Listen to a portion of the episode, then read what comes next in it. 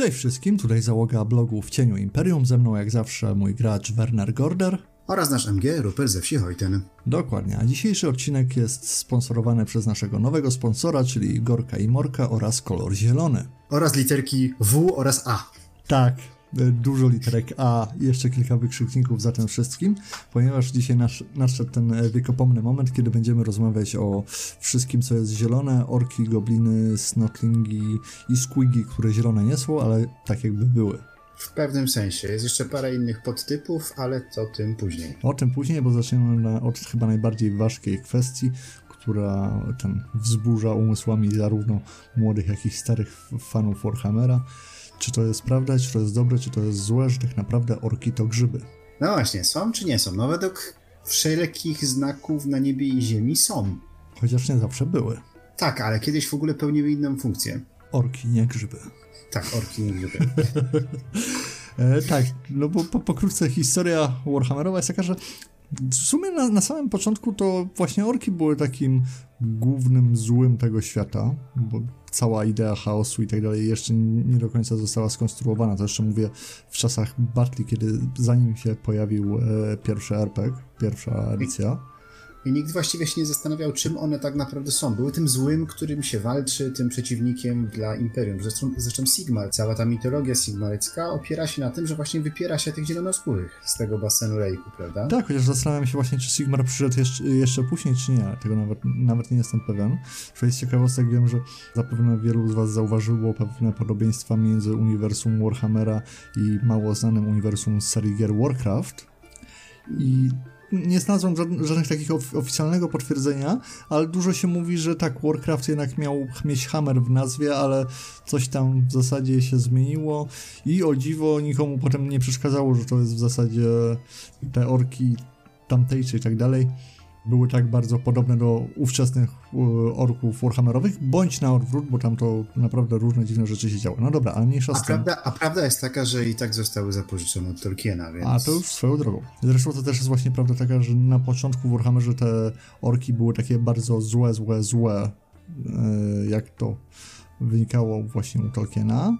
Później one troszeczkę ewoluowały w kierunku takiego comic relief, e, że były trochę dla śmiechu, to się zachowało też e, we wczesnych edycjach 40, gdzie orkijscy piraci to byli tacy haha, haha, hi, hi, hi, hi, te sprawy, z nimi można niby było handlować i tak dalej, no to wszystko było na, na jaja tak naprawdę.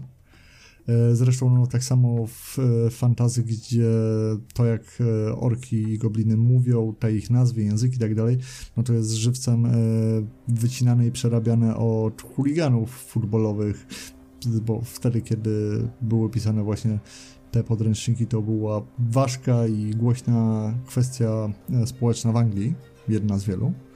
I właśnie stąd mamy orków, więc tak, ich rodowód jest taki, że najpierw byli bardzo źli, potem to było takie no, komiczne dresiarstwo, a teraz oficjalnie według Lora są oni grzybami.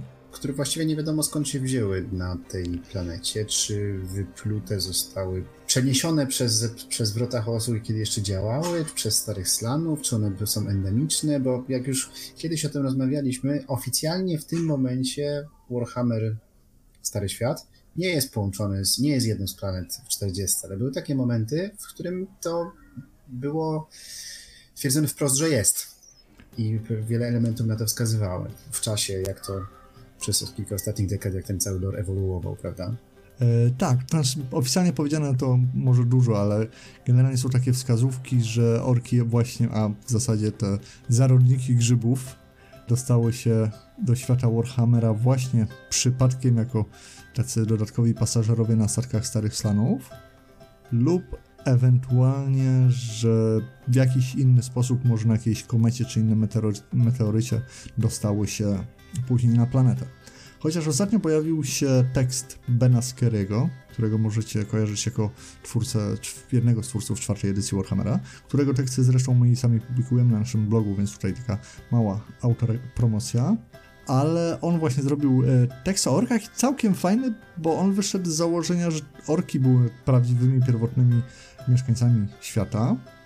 I to właśnie Slanowie, którzy zmienili świat, bo oni tam zmienili te orbity, zmienili tak, żeby ten rok miał 400 dni i tak dalej, i tak dalej, wpłynęli na to, że ta forma życia, która jak najbardziej koegzystowała ze wszystkim innym, co było wcześniej na planecie, jeszcze przed krasnoludami, elfami i tak dalej, to teraz w tych nowych warunkach została, sama się zmieniła i powstało coś, co jest takie bardzo agresywne, bardzo, nie wiem, pandemiczno, niebezpieczne dla wszystkiego innego, co żyje, tak?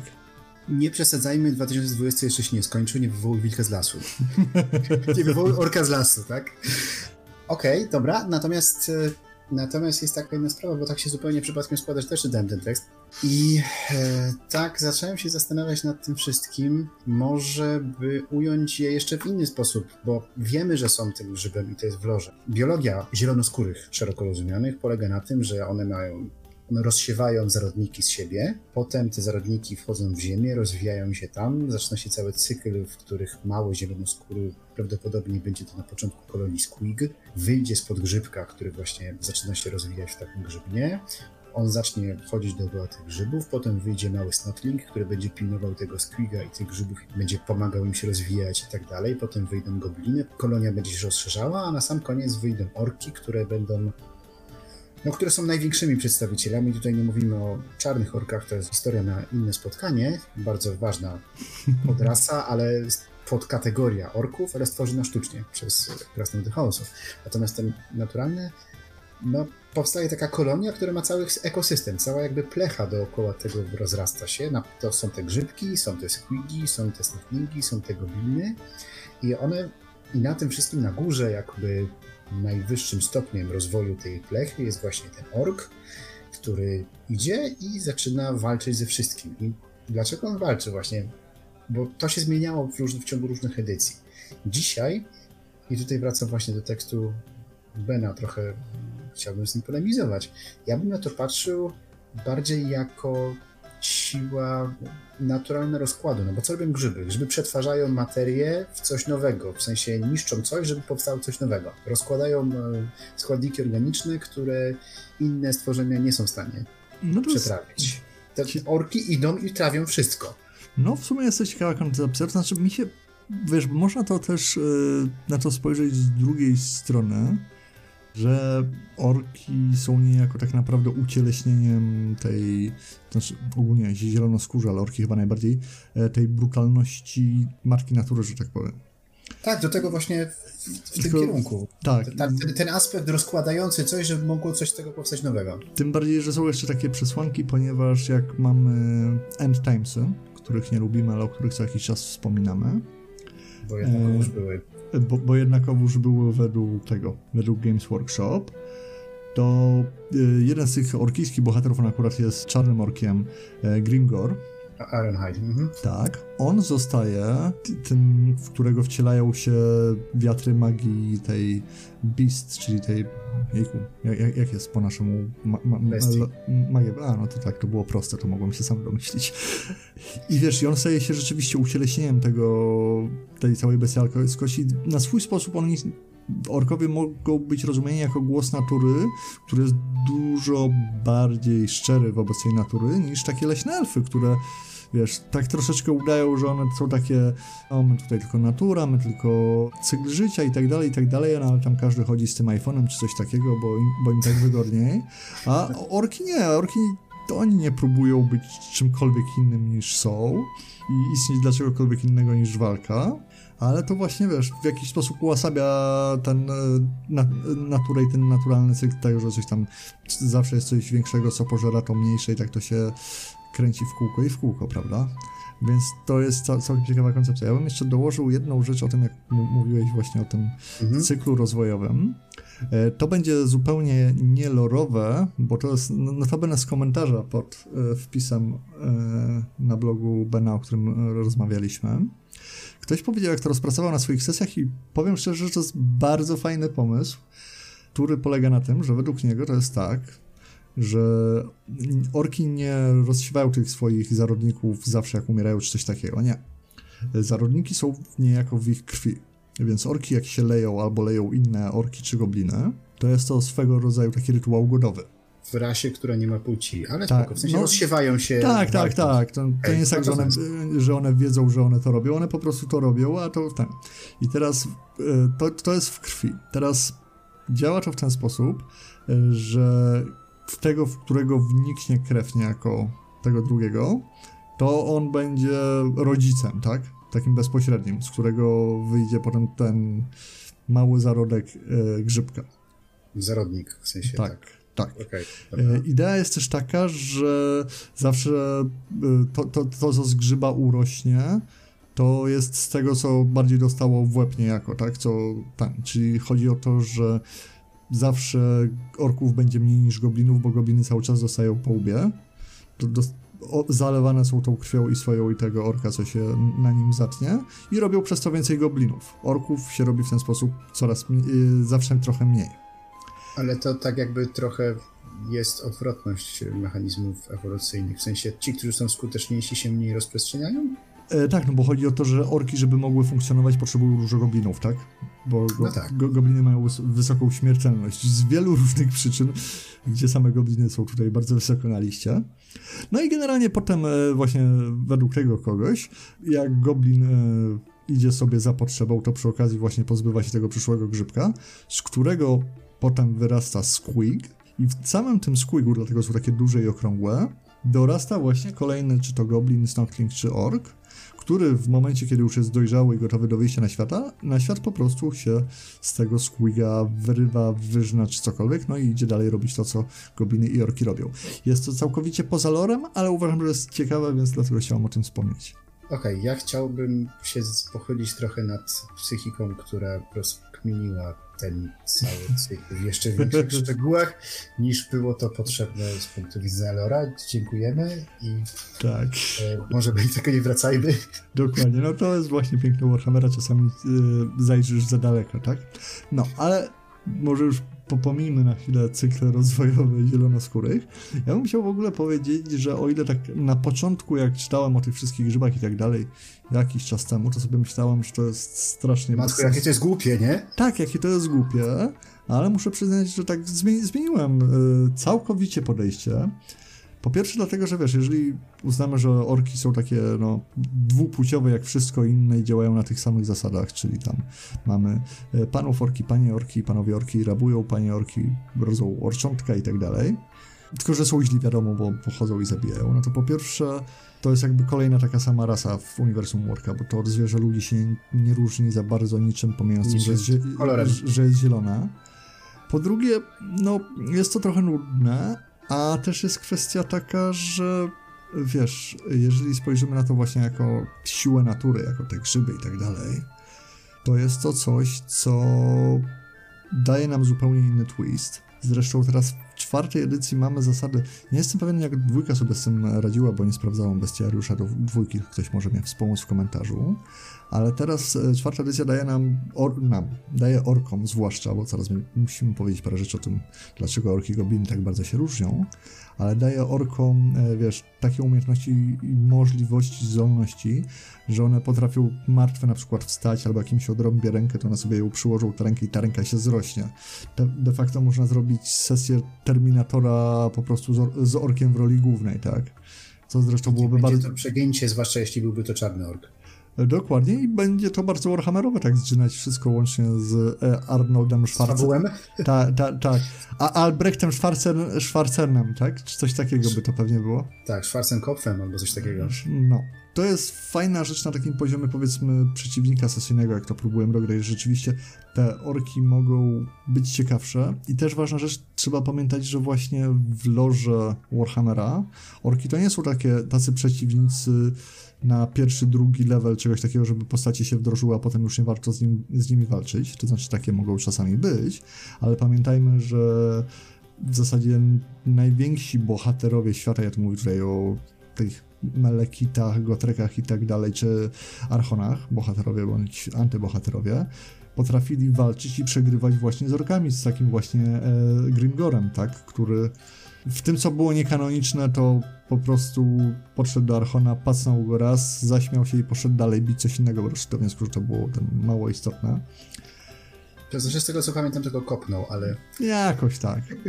Ale wiesz, no tak, tak samo ten e, Gromor Goblinów, który przebił się przez całe Imperium i, i wylądował na Utulanie. Dokładnie, więc to też jest taka nie, wielka niesprawiedliwość by była, gdybyśmy, wiesz, na sesjach na przykład dawać tylko orki takie właśnie, które są dla nowych postaci, żeby się wdrożyć, bo to mogą być naprawdę fenomenalni przeciwnicy, przynajmniej w kwestii fizycznej, tak. To znaczy, wiesz, szczerze mówiąc, dla mnie też na początku, kiedy słyszałem za pierwszym razem, dawno temu to było, że orki są właściwie teraz są już grzybami, to wydawało mi się to głupie, ale właśnie na dłuższą metę jest to dość ciekawe, bo pomijając to, co powiedziałeś przed chwilą, to jest y, i to, że jest są tą siłą, że można potraktować je jako tą siłę, siłę natury, to jeszcze prawda jest taka, że nie da się ich wyplenić. One zawsze będą. To jest jeden z najbardziej. Pomijając to, że wiesz, miejsce tego największego złego zajął chaos i tak dalej, i jest dużo innych y, przerażających rzeczy w tym świecie, to akurat orków z niego się nie da wy, wyplenić całkowicie. Trzeba by go było całkowicie zniszczyć, żeby się ich pozbyć. E, tak, no. Nie da się oczyścić tego lasu całkowicie zniszczyć. Znaczy, to tak swoją drogą też właśnie fajnie tłumaczy, bo wiesz, no, cała historia Imperium to jest historia najazdów między innymi orków. No i to daje nam jakieś wytłumaczenie, dlaczego Imperium się z tym problemem nie uporało, tak? Gdyby, to była tylko rasa takich niecywilizowanych e, brudasów, którzy po prostu lubią dużo walczyć, no to ja rozumiem, że to na początku mogły być problemem i potrzeba było Sigmara, bo ludzie wtedy jeszcze stali nie znali, no ale teraz przy całym rozwoju artylerii, broni palnej, magii, tym wszystkim i tym wszystkim, to pomyślałbyś, że no, chyba mogliby sobie już jakoś z tym wszystkim poradzić, tak? Już nie mówiąc o krasnoludach, no bo w zasadzie to dlaczego by nie? No to jest tak walczyć z trawą, no to w sensie możesz próbować, ale do tego potrzebujesz w świecie Warhammera, w tym settingu, w tym momencie jego rozwoju potrzebujesz magii. No, tak potrzebujesz tak... elfów, które oczyszczą to w jakiś ten sposób. Muszę albo... przyznać, że tutaj jest duży minus lora taki, że właśnie jeżeli się mamy coś o krasnoludach, mhm. to nie mamy powiedziane nic o właśnie jakichś specjalnych jednostkach, tym bardziej inżynieryjnych, wiesz, przeznaczonych do wypleniania orków, czy oczyszczania twierdz z orków, jakaś broń chemiczna, czy wypalanie, czy wiesz, jest trochę możliwości, do którego krasnoludy moim zdaniem byłyby świetne. Znaczy założę się, że Dawizar takie mają. e, oni na pewno, ale właśnie same krasnoludy to nigdzie nie jest wspomniane, prawda?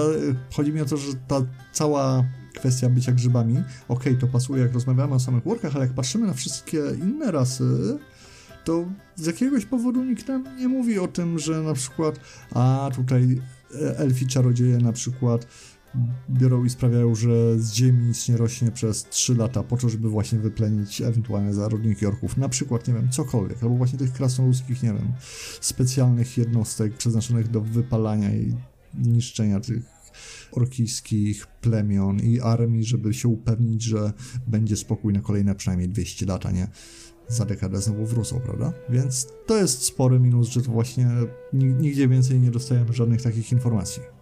No cóż, ale to wiesz też... Nie jest tak, że ciężko sobie dopisać. No, zwłaszcza, że właśnie kto jak kto, ale Krasnoludy Chaosu musiały o czymś takim pomyśleć, zwłaszcza po, po swoich przejściach z powstaniem ich niewolników, którymi byli głównie właśnie zielonoskórzy, którym przewodziły czarnorki. Dokładnie. No, ale to tak chyba tyle z ogólnych rzeczy na temat rasy i takiego jej rozwoju i tak dalej. Ważna druga rzecz wydaje mi się, na której można się skupić, bo to w przypadku zielonoskórych mamy taki bardzo ważny dualizm. W sensie my mówiliśmy, że tych podgatunków jest sporo, bo są snotlingi, yy, orki i tak dalej, i tak dalej, ale tak... Nie zapominaj, nie zapominaj o gnoblarach. Gnoblary również, tak, ale chodzi mi o to, że takie naj, największe e, jakby rozróżnienie jest pomiędzy właśnie orkami i goblinami i odpowiadającymi im podtypami, tak? Gdzie mamy orki jako te silne i rządne bitki i walki w zasadzie zawsze, a z drugiej strony mamy gobliny, które są e, relatywnie małe, chude, słabe, za to kombinują, nie są może inteligentne, ale sprytne. Bardzo sprytne. Tak, na swój sposób. I to jest fajnie, bo są takie dwa przeciwieństwa, które się bardzo dopełniają i dają dużo też e, fajnych możliwości na wykorzystanie tego na sesjach, prawda? No, plus jeszcze masz kilka takich e, grup, które oczywiście też się w to wpisują, ale troszeczkę łamią ten stereotyp. Właśnie czarne orki, które w, w odróżnieniu od wszystkich pozostałych zielonoskórych potrafią zachować spokój i porządek i dyscyplinę. Na przykład, dlatego są tak niebezpieczne. Hobgobliny, które są jeszcze bardziej um, sprytne niż pozostałe gobliny. Nocne gobliny, które są specjalistami od broni chemicznych i innych tego typu, jeśli tak to można nazwać. Gnoblary, które się zachowują, które pełnią funkcję goblinów, tylko dużo bardziej na wschodzie, ale też nie do końca, bo nie wiem, czy do tego dotarłeś. Sprawa Gnoblar Kanty i tego miasteczka. No to już tam Królestwa Ogrów, nie? Tak, tak, tak, ale tam jest takie miasteczko, miasto właściwie, na szlaku handlowym do Indu, staje się Pig bardzo się nazywa, gdzie po części, bo to nie jest tak, że one bardzo, znaczy teraz już chcą być pod ogrami, bo im to daje... Odpowiednie profity. Tak, odpowiednie profity, a nawet y, fałszują sobie odgryzienie y, ślad, śladów zębów konkretnego ogra na swoich własnych uszach. Temat na osobny odcinek. Natomiast jest tam właśnie takie miasteczko Pigbarter, otoczone jakby dzikimi gnoblarami mhm. mieszkającymi. No, tam osadki takiego społeczeństwa, które tam same funkcjonowało, zanim z północy te rzeczy idące z powodu krasnoludów chaosu zmusiły ich do przemieszczenia się w inne miejsca. No takie dość ciekawe, można poszukać takie też właśnie na obrzeżach granic świata, który został opisany przez autorów. Co tam jeszcze mamy? Statlingi. Statlingi są w ogóle osobną kategorią, taką bardzo małego, bardzo cwanego, małego, nie do końca cwanego, ale piekielnie niebezpiecznego przeciwnika, zwłaszcza jeśli masz mało hapeków. Tak, dokładnie, a ich jest zawsze dużo, tak? Po, bardzo dużo. Po, potrafią się kryć w niespodziewanych miejscach. Znaczy z goblinami w ogóle sprawa jest fajna też o tyle, że z nimi można się dogadać. Oczywiście bardzo krótkoterminowo, Zresztą to jest y, właśnie chyba taka kwestia, która mocno ogranicza inteligencję goblinów. One są bardzo sprytne, ale ich pojmowanie długoterminowości za bardzo nie wychodzi, tak? One muszą się skupiać na takich bardzo krótkoterminowych celach. Ale to zresztą się przejawia w wielu oficjalnych przygodach i w grach i tak dalej. Gobasy tak, to jest część tego, że one są właśnie takie zabawne, że można się z nimi właśnie dogadać, pożartować, zamienić, wiesz, pójść do Goblina i powiedzieć ej, masz tutaj ten świetny młot bojowy, ja ci zabiorę to niepotrzebne złoto, bo co będziesz robił, nie?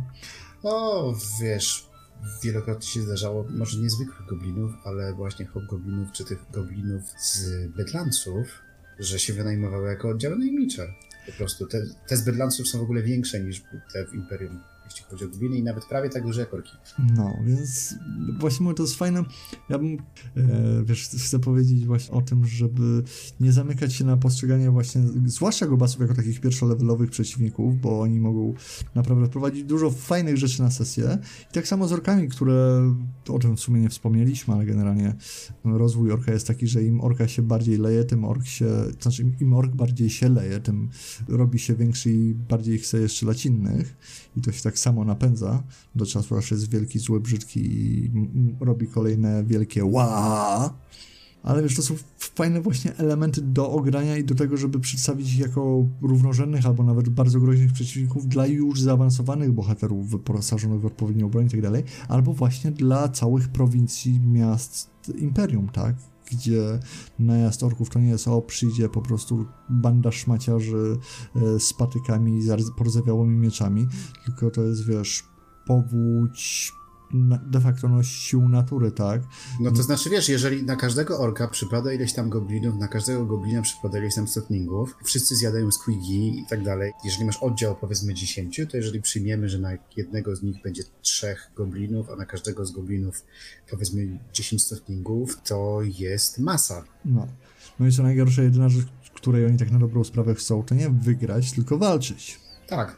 Zresztą to też jest ciekawa rzecz, jeszcze wydaje mi się, że wypada o tym wspomnieć, a propos e, chaosu, ponieważ aktualnie kiedyś były, e, było troszeczkę inaczej, pojawiły się nawet jakieś orki chaosu, z tego co mi się wydaje, ale to było tak bar, bar, bardzo przelotnie w bardzo dawnych czasach, ale orki generalnie są nieszczególnie wrażliwe na chaos i nieszczególnie się tym interesują i przyjmują. Troszeczkę w sumie dziwne, że z Kornem się nie dogadują, bo to jest takie Niby tak, ale z drugiej strony mają swoje własne coś lepszego. Tak, mają właśnie sponsorów naszego dzisiejszego odcinka, czyli Gorka i Morka, ale to, to też może właśnie wynikać z tego i tłumaczyć się przez, tego, przez to, że jako grzyby ta świadomość orków z tą świadomością orków to w ogóle tym bardziej goblinów jest ciekawe, bo niby każdy z nich jest w jakimś tam stopniu samoświadomy, ale im ich jest więcej w danym otoczeniu, jak się zaczyna tworzyć to całe ła, to pojawiają się jednostki, które są coraz bystrzejsze i coraz bardziej ogarnięte i coraz bardziej zdolne do zapanowania nad tym wszystkim, tak? Generalnie jak weźmiesz, nie wiem, 10 orków i weźmiesz 200 orków, to wśród tych 200 orków znajdą się na pewno większe i bystrzejsze orki niż wśród tej dziesiątki, tylko z racji tego, jak wiele orków jest dookoła, tak? One się... Ale to jest dość proste do wytłumaczenia. Po prostu, wiesz, w każdym, w każdym dobrym w każdym dobrym warbandzie musi być jeden da boss i ten da boss będzie wiedział, coś zrobić. Tak. I no. że będzie da boss, bo w końcu tamten ork zbił tego mniejszego orka i został dabosem, więc teraz on wie, co zrobić. No, no to... musi, wiedzieć, musi wiedzieć coś zrobić, to... bo, bo musi. Tak, no to, to, to jak najbardziej, bo od tego jest dabosem. A jak ktoś dojdzie do wniosku, że nie wie, co zrobić, to spróbuję mu to wytłumaczyć w jedyny przystępny orkijski sposób, czyli pałą, czy czymś innym po łbie. I wtedy sama albo zostanie dabosem, no albo będzie ciekawą rozrywką na to przedpołudnie, tak? No tak, no ale właśnie chodzi o to, że to, w co wierzysz, w tym świecie się do pewnego stopnia sprawdza, realizuje, spełnia, jest, ma pewne odbicie w rzeczywistości. Więc jeżeli oni wierzą, że jest szef, który wie, co zrobić, to ten szef będzie bystrzejszy i będzie wiedział, co zrobić. Dokładnie, tym bardziej jak rozmawiamy za jakiś czas właśnie o różnych dziwnych aspektach Warha, ja zauważyłem, że bardzo dobrym wytłumaczeniem jest to, że w świecie Warhammera to, co jest prawdą, a co nie jest prawdą, ma bardzo ważne uwarunkowania lokalne, które właśnie wynikają z tego, w co dane istoty dookoła wierzą. I w wielu rzeczach, o których rozmawiamy, to się sprawdza. I tak samo właśnie sprawdza się w przypadku orków, które mogą rzeczywiście wierzyć, że to jest akurat z 40, ale myślę, że da się to przełożyć na fantazję, że jak posmarują swoje wilki krwią, żeby były czerwone, to te wilki będą biegać szybciej. No pewnie, że będą biegły szybciej. Każdy o tym wie. Są też takie gobliny, które wierzą, że jak wystrzeli się je z Doom Drivera, to to nie będzie ich ostatni lot. E, tak, to chociaż o. Oj, tak, Goblin Doom Driver to jest naj, najlepsza machina oblężnicza chyba w historii Starego Świata. No, niezaprzeczalnie. Tak, i myślę, że na tym górnolotnym pomyśle możemy zakończyć nasz dzisiejszy odcinek, naszej pierwszej i zapewne nie ostatniej rozmowy o orkach i wszystkim co zielone, bo tylko tak ogólnie... No nie, bo tylko, tylko zarysowaliśmy z góry temat w ogóle całego łaj, całego Gorka Morka. Tak. Że... Wiemy, że jest kilka osób, które nie mogły się doczekać, ale postaramy się zrobić tego jeszcze więcej. Tak, więcej orków, więcej goblinów, więcej ła. A póki co dzięki wam wszystkim e, za słuchanie nas. Jak zawsze prosimy o klikanie różnych rzeczy, które można wyklikać na wideo. No i do usłyszenia w następnym tygodniu, a póki co chwała wielkiemu ła i Sigmarowi. I Sigmarowi, dokładnie.